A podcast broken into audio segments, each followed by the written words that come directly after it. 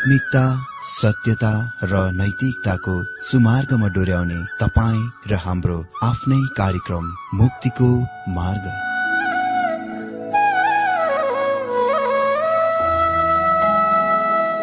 आदरणीय श्रोता यस मुक्तिको मार्ग कार्यक्रममा हार्दिक स्वागत छ। आशा छ यस आत्मिक कार्यक्रमद्वारा जीवनमा आत्मिक आशिष अलौकिक शान्ति र आनन्द प्राप्त गर्नुहुनेछ। र जीवनमा धन्य अनुभव गर्नुहुनेछ। आउनुहोस् श्रोता मन र आत्माको तयारीको लागि यो मिठो अनि मधुर भजन गीत सुनौ।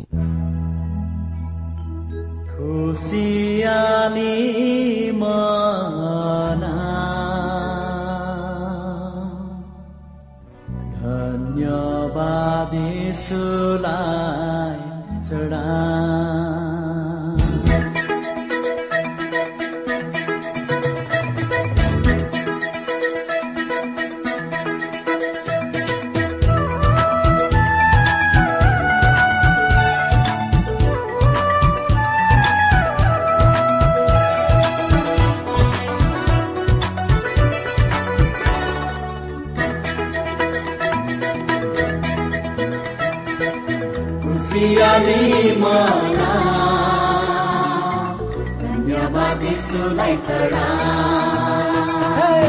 खुसियाली मना। धन्यवाद सुलाई चढा। जन्मिए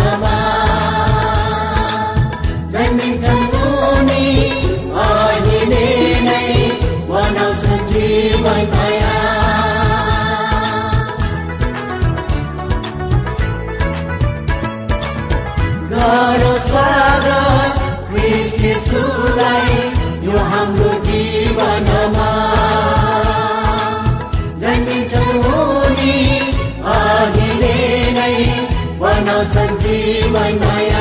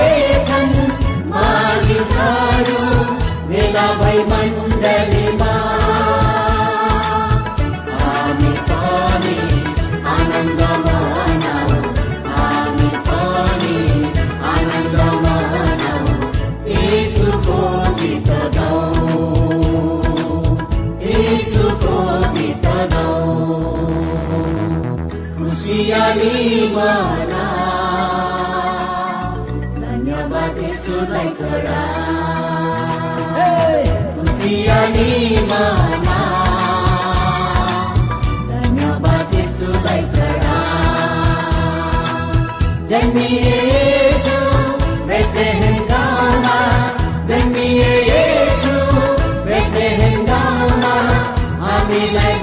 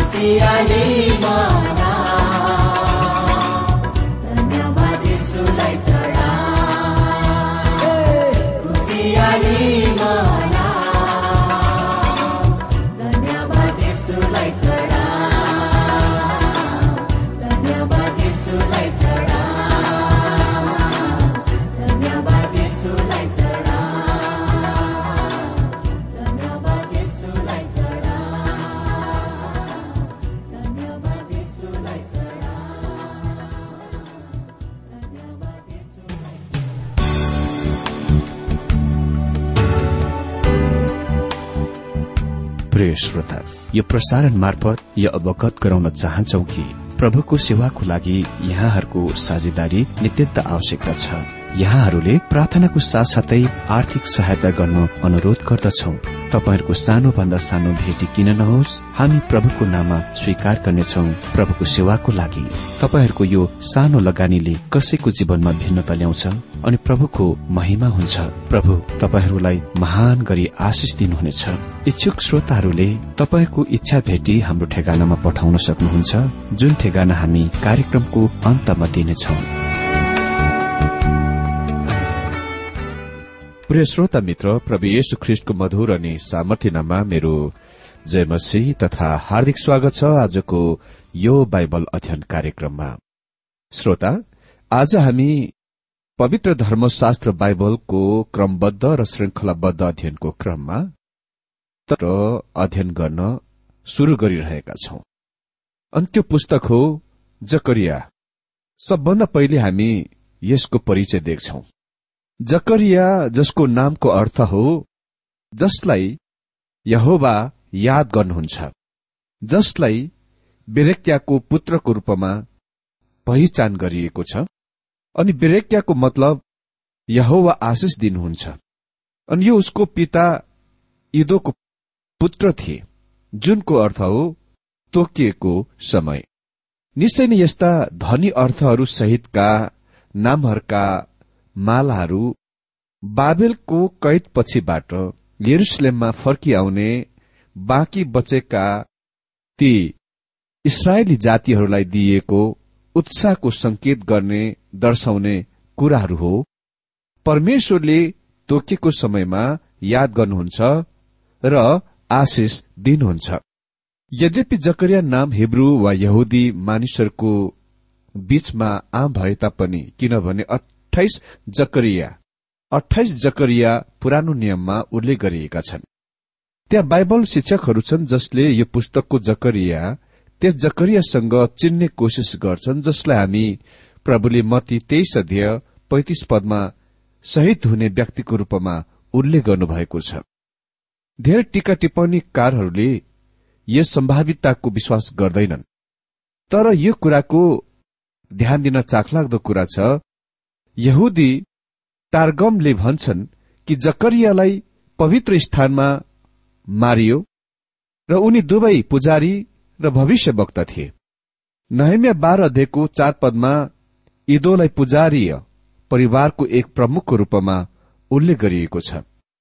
अनि इतिहासकार जोसेफसले बारुक्याको पुत्र जकरियाको हत्याको बारेमा वर्णन गर्छन्। अर्को चाखलाग्दो मूल्याङ्कन यो हो कि जकरियाको भविष्यवाणीले व्यावहारिक रूपमा पुरानो नियमको अन्त गर्दछ। यो पुरानो नियमको अन्तिम पुस्तकको ठिक अन्तिम दोस्रो हो। त्यसपछि नयाँ नियम अर्को जकरियाको बारेमा र जुनको अर्थ हो यहोबा हामीलाई याद गर्नुहुन्छ र जकरियाका पत्नी एलिसाबेथ जुनको अर्थ हो उहाँको शपथ त्यसको बारेमा लुकाको विवरण सहित कालक्रमिक रूपले खोलिन्दछ। जकरिया पुजारी थिए। जो धूपको वेदीमा सेवा गरिरहेको बेला चार सय वर्षको मौनतापछि स्वर्गीय दूत परमेश्वरबाट सन्देशसहित उनीका प्रकट भए। यसरी परमेश्वरले आफ्नो शपथलाई शपथको करारको याद गर्नुभयो। यो भविष्यवाणी पाँच सौ बीस ख्रिस्ट पूर्वमा लेखिएको थियो। जकरिया एजरा पाँच अध्यय एक र छ अध्ययको चौध पद अनुसार हागैसँग समकालिक थिए। यद्यपि उनी सम्भवत जकरिया दुई अध्यय चार पद अनुसार कम उमेरका मानिस भए तापनि त्यसपछि यस पुस्तकको विशेषताहरू पनि हेरौं। यो पुस्तकसँग अन्तिम दिनको विपत्तिका विशेषताहरू छन्। दानियलको इजिकेलको र प्रकाशको पुस्तकमा भएका दर्शनहरूसँग यहाँ उल्लेखित दर्शनहरू मिल्दोजुल्दो छन्। दानियल र इजिकेल इसरायलको देशमा जन्मेथे। तर तिनीहरूका पुस्तक आफ्नो देशदेखि बाहिर अर्कै ठाउँबाट लेखे। जकरिया चाहिँ इसरायलको देशदेखि बाहिर बाबेलमा जन्मेका थिए तर उसले यो आफ्नो पुस्तक आफ्नै देश इसरायलमा लेखे। यो चाखलाग्दो कुरा छ कि दानियल इजिकियल र युहन्ना सबै इसरायलदेखि बाहिर थिए जब तिनीहरूले लेखे। खालि जकरिया मात्र त्यस मुलुकमा थिए जब उसले आफ्ना अन्तिम दिनहरूको बारेमा दर्शनहरू लेखे। निरुत्साहको अन्धकारको दिनमा जुनले ती बाँकी बचेका इसरायलीहरूलाई ढाके थियो छोपे थियो उसले स्वर्गीय यात्रा र आशाको दर्शनमा देखे। उसँग अन्य कुनै साना भविष्यवाणीका पुस्तकहरू लेख्ने भविष्य वक्ताका पुस्तक भन्दा धेरै मसिहा सम्बन्धीको भविष्यवाणीहरू छन्। त्यसकारण यो महत्वपूर्ण र चाखलाग्दो पुस्तक हो। त्यसपछि हामी देख्छौ हागैसँगको तुलनामा भिन्नता? जकरिया हागैसँग समकालिक थिए। एउटै समयका दौतारीहरू थिए। तर उसको पुस्तक हागैकोसँग ठिक सिधै भिन्न वा अलग खालको छ। तिनीहरूले निश्चय एक आपसलाई जान्दथे र उही एउटै मानिसहरूलाई उही एउटै समयमा भविष्यवाणी गरे। तैपनि तिनीहरूका भविष्यवाणीहरू चाहिँ अति नै धेरै आपसमा एकदमै भिन्नै खालका वा अलग किसिमका छन्। हागै मन्दिर निर्माणको बेला त्यहाँ जग बसल्दा र काम गर्दा त्यहाँ थिए। उनी पनि काममा लागे। उसका हात खुट्टा भुइँमा काम गरिरहेको थियो त्यस बेला। जकरिया चाहिँ दर्शी थिए। उसले चाहिँ दर्शन देख्थे। यसरी जकरिया चाहिँ सम्पूर्ण रूपले दर्शी थिए भने हागै चाहिँ सम्पूर्ण रूपमा व्यावहारिक व्यक्ति थिए। तैपनि ती दुवै उही एउटै मानिसहरूसँग उही एउटै समस्यामा उही एउटै समस्याको सम्बन्धमा परमेश्वरको लागि बोलिरहेका थिए। ती दुवै आज हामीसँग पनि बोल्छन् तर प्रत्येक उसको आफ्नै तरिकामा। हामीले यो कुरा बुझ्न आवश्यक छ कि यी दुई प्रकारका मानिसहरू आज पनि हामीलाई अझै आवश्यक छ। तिनीहरू एक आपसमा फिट हुन्छन्। हामीलाई यी दुवै कुरा उति नै मात्रामा आवश्यक छ। व्यावहारिक र दर्शी। दर्शन देख्ने व्यक्ति।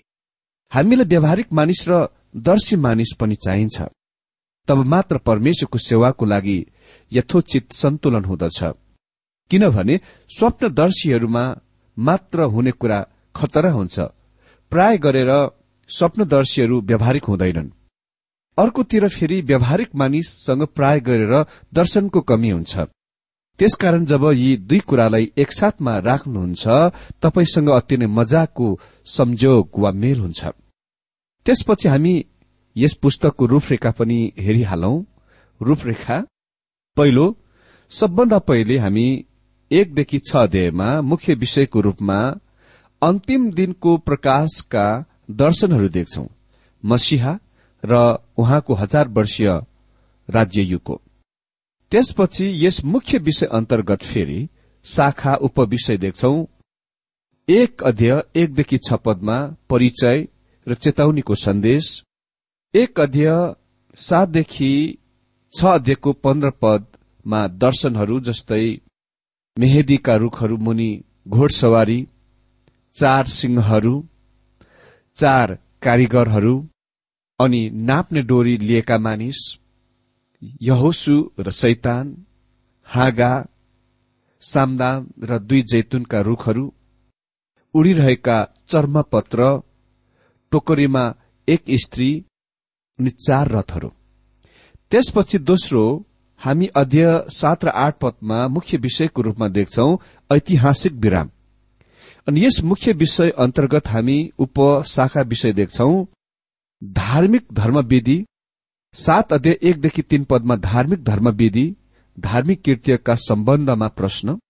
सात अध्यय चारदेखि आठ अध्ययको तेज पदमा तीन तहका उत्तर जस्तै जब हृदय सही हुन्छ धर्मविधि र धार्मिक कृत्य सही हुन्छ। जब हृदय खराब हुन्छ धर्मविधि र धार्मिक कृत्य गलत र खराब हुन्छ।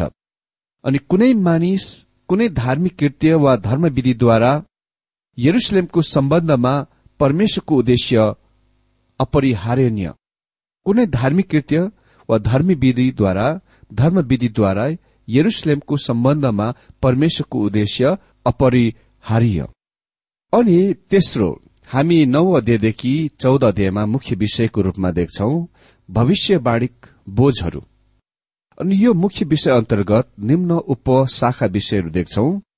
पहिलो नौदेखि एघार अध्याय अनुसार पहिलो बोझ ख्रिस्टको पहिलो आगमनसँग जोडिएको सम्बन्धित भविष्यवाणिक पक्षहरू। दोस्रो बाह्रदेखि चौध अध्याय अनुसार ख्रिस्टको दोस्रो आगमनसँग जोडिएका सम्बन्धित भविष्यवाणी पक्षहरू। अमित्र यिनै रूपरेखाको आधारमा हामी बाइबल अध्ययन गर्नेछौ र आज हामी जकरिया एक अध्यय एकदेखि छ पदबाट बाइबल अध्ययन गर्नेछौ। यहाँ हामी देख्छौ परिचय र चेतावनीको सन्देश। मित्र यो कुराको थाहा गरौं कि पहिला छ अध्यायहरू मसिह सम्बन्धको र मसियाको हजार वर्षीय राज्य सम्बन्धको अध्यायहरू हुन्। यस विभाग खण्डमा दश दर्शनहरूको रेकर्ड छ र जकरियाले ती दशैवटा दर्शन एकै रातमा दिएथे हजुर पहिलो पद चाहिँ जकरियाको पुस्तकको परिचयको रूपमा सेवा गर्दछ। जकरिया एक अध्यय एक पदमा लेखिएको छ दारा राजाको दोस्रो वर्षको आठौं महिनामा परमप्रभुको यो वचन इदोका नाति बिरेक्याका छोरा जकरिया अगमवक्ता कहाँ आयो। दारा राजाको दोस्रो वर्षको आठौं महिनामा यस कथनले यो भविष्यवाणी पुस्तकलाई अन्य जाति राजाको शासनकालमा अनुकूल गर्दछ किनभने यो बाबेलमा सत्तरी वर्षको कैदपछि इसरायलका यी बाँकी बचेका वापस आफ्ना मुलुकमा फर्किआएका अवधि हो। अहिले उत्तरी राज्य इसरायल र दक्षिणी राज्य यहुदाका वा यहुदामा कुनै राजा थिएनन्। दाउदका वंश सिंहासनमा विराजमान छैन र अन्य जातिहरूको समयहरू प्रगतिमा छ। दारा राजाको दोस्रो वर्ष चाहिँ उही एउटै वर्ष हो जुनमा हागैले भविष्यवाणी गरे। तिनीहरूले मतलब हागै र जकरियाले उही एउटै मानिसलाई उही र एउटै समयको अवधिमा भविष्यवाणी गरेथे। हागैले त्यस वर्षको छैटौं महिनामा शुरू गरे भने जकरियाले दुई महिना पछि आफ्नो भविष्यवाणीको सेवा आरम्भ गरे। यो ख्रिष्ट पूर्व पाँच सौ बीसमा थियो। हागैले भविष्यवाणी सेप्टेम्बर अक्टोबर र डिसेम्बरमा दिएथे तर नोभेम्बरमा एउटै पनि भविष्यवाणी दिएनन्। त्यसकारण यो मानिस जकरियाले त्यो नोभेम्बरमा भविष्यवाणी दिए जुन हागैले चुकाएथे छोडेथे भनिएको छ दारा राजाको दोस्रो वर्षको आठौं महिनामा परमप्रभुको यो वचन इदोको नाति बेरेक्याका छोरा जकरिया अगमवक्ता कहाँ आयो? परमप्रभुको यो वचन जकरिया कहाँ आयो। यो उही एउटै अभिव्यक्ति हो जुन हागैले प्रयोग गरे। अर्को शब्दमा जकरिया उही एउटै अधिकारद्वारा बोलिरहेका छन् जुनद्वारा हागैले बोले। यो उही एउटै कथन। यो पुस्तकमा चौध पल्ट प्रयोग भएको छ। जबकि जकरियाको पुस्तक चौधवटा अध्याय भएकोले गर्दा यो लगभग औसतको हिसाबले प्रत्येक अध्यायमा यस्तो एउटा कथन घटित भएको देख्छौ। तपाई देख्न सक्नुहुन्छ। यो अर्को पुस्तक हो जुनले परमेश्वरको वचनमा महान जोड़ दिन्छ। अहिले दोस्रो पदले चेतावनीको सन्देशलाई शुरू गर्दछ जुन परमेश्वरले जकरियालाई दिनुभएको छ। हागैले जस्तै उही एउटै अधिकारद्वारा परमेश्वरको वचन बोल्ने काममा उसले तिनीहरूका पूर्ववर्ती वा अघिका पहिलो कैदीहरू पिता पुर्खाहरूका कदमहरू नपछ्याउन ती कैदबाट फर्किआएका इसरायलीहरूलाई चेतावनी दिइरहेका छन्। दुई पदमा भनिएको छ तिमीहरूका पिता पुर्खासँग परमप्रभु साह्रै रिसाउनुभयो। जकरिया तिनीहरूलाई भनिरहेका छन् कि तिनीहरू कैद वा बन्धुवामा भएको कारण यो थियो। तीन पदमा यसै कारण तैले मानिसहरूलाई भन् सर्वशक्तिमान परमप्रभु यसो भन्नुहुन्छ मतिर फर्केर आओ सर्वशक्तिमान परमप्रभु घोषणा गर्नुहुन्छ अनि म तिमीहरूतिर फर्कनेछु सर्वशक्तिमान परमप्रभु भन्नुहुन्छ। तिनीहरूले परमेश्वरको विरूद्ध पाप गरेथे। र उसले उही प्रकारका भूलहरू बनाउने कामको विरूद्ध तिनीहरूलाई चेतावनी दिइरहेका छन्। भनिएको छ तीन पदमा यसै कारण तैले मानिसहरूलाई भन् सर्वशक्तिमान परमप्रभु यसो भन्नुहुन्छ मतिर फर्केर आओ सर्वशक्तिमान परमप्रभु घोषणा गर्नुहुन्छ अनि म तिमीहरूतिर फर्कनेछु सर्वशक्तिमान परमप्रभु भन्नुहुन्छ। सर्वशक्तिमान परमप्रभु यसो भन्नुहुन्छ। मित्र यो मानिसको वचन होइन। यो परमप्रभुको वचन हो। सर्वशक्तिमान परमप्रभु घोषणा गर्नुहुन्छ। अनि म तिमीहरूतिर फर्कनेछु देख्नुभयो कसरी उहाँले कृपा तिनीहरू कहाँ फैलाइरहनु भएको छ। अनि चार पदमा लेखिएको छ तिमीहरू आफ्ना पिता पुर्खाहरू जस्तो नहौ जसलाई अघिका अगमवक्ताहरूले यसो भनेर घोषणा गरे। सर्वशक्तिमान परमप्रभु यसो भन्नुहुन्छ तिमीहरू अब आफ्ना दुष्ट चाल र आफ्ना दुष्ट व्यवहारदेखि फर्क तर तिनीहरूले सुनेनन् न त मतिर ध्यानै दिए।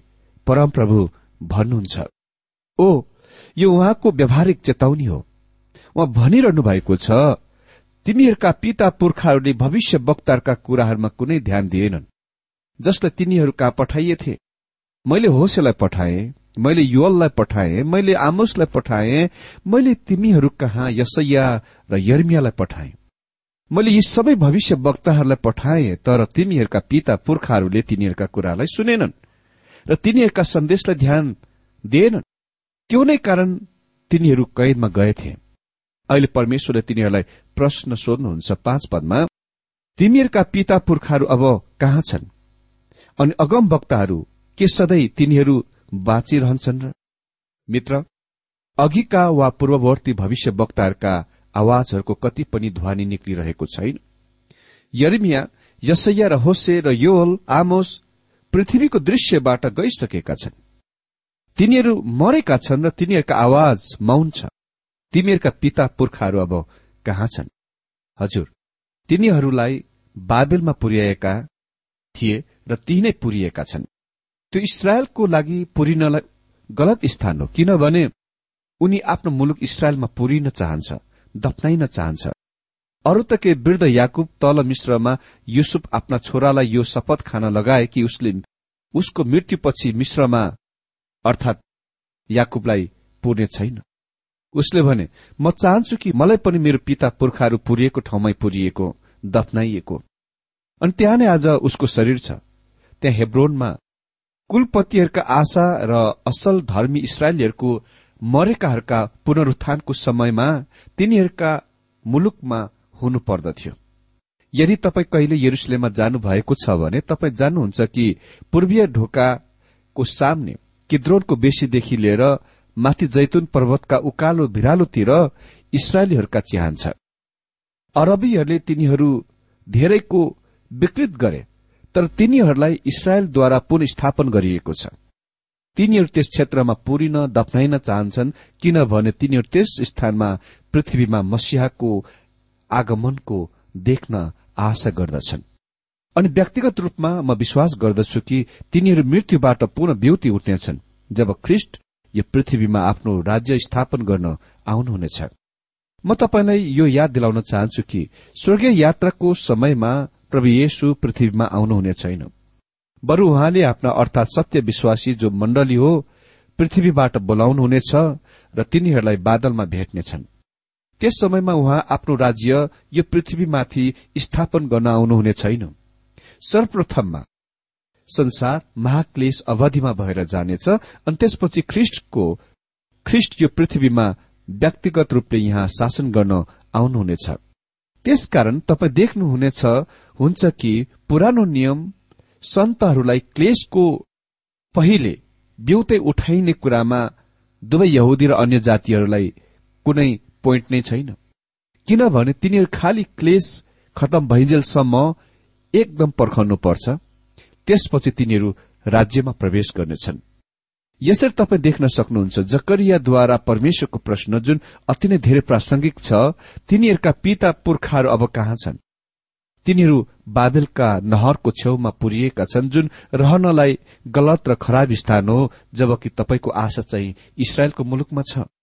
मित्र छ पदमा लेखिएको छ यहाँ।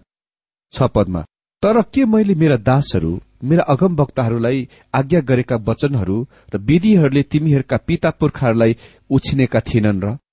तब तिनीहरूले प्रस्ताव गरे र भने सर्वशक्तिमान परमप्रभुले हाम्रा चाल र व्यवहार अनुसार हामीसित जे गर्ने निश्चय गर्नुभएको थियो सो उहाँले हामीसित गर्नुभएको छ। मित्र तिनीहरूका पापहरूको लागि न्याय वा दण्डले तिनीहरूलाई उछिनियो। भनिएको छ तब तिनीहरूले प्रस्ताव गरेर भने सर्वशक्तिमान परमेश्वरले हाम्रा चाल र व्यवहार अनुसार हामीसित जे गर्न निश्चय गर्नुभएको थियो सो उहाँले हामीसित गर्नुभएको छ। तिनीहरू आखिरमा यो कुराको स्वीकार गर्न इच्छुक भइरहेका थिए जुन कुरा तिनीहरू कहाँ आइरहेको थियो त्यो परमेश्वरको पक्षतर्फमा एकदम न्यायी र धार्मिक कुरा उचित कुरा थियो। किनभने उहाँले तिनीहरूलाई चेतावनी दिनुभएको थियो तर तिनीहरूले उहाँको कुरा सुनेनन्। यसले व्यावहारिक खण्डको अन्त गर्दछ। मेरो मतलब यो होइन अर्को खण्ड चाहिँ अव्यवहारिक हो। अह मेरो खाली अर्थ यही हो कि यसले त्यस दर्शनहरूसँग व्यवहार गर्दछ जुन जकरियाले पाएथे अर्को दिनमा हामी यी दर्शनहरूको बारेमा विस्तृत रूपमा अध्ययन गर्नेछौ। परमेश्वरले तपाईँ सबैलाई धेरै धेरै आशिष दिनुभएको होस्।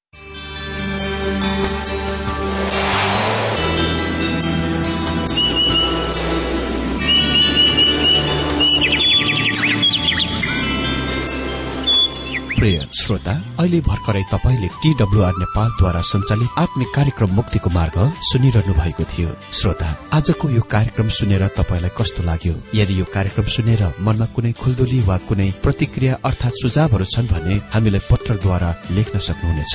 हामी हृदयदेखि नै स्वागत गर्नेछौ स्वीकार गर्नेछौ साथै बाइबल सम्बन्धित प्रचारहरू कार्यक्रम सारणीहरू हामी अनुरोधमा पठाउन सक्छौ। अनि तपाईँसँग कुनै प्रार्थनाको विषय छन् भने हामीले तपाईँको लागि प्रार्थना गरेको चाहनुहुन्छ। भने प्रभुमा आफ्नै परिवार सम्झेर हामीलाई पत्रमा लेख्न सक्नुहुनेछ।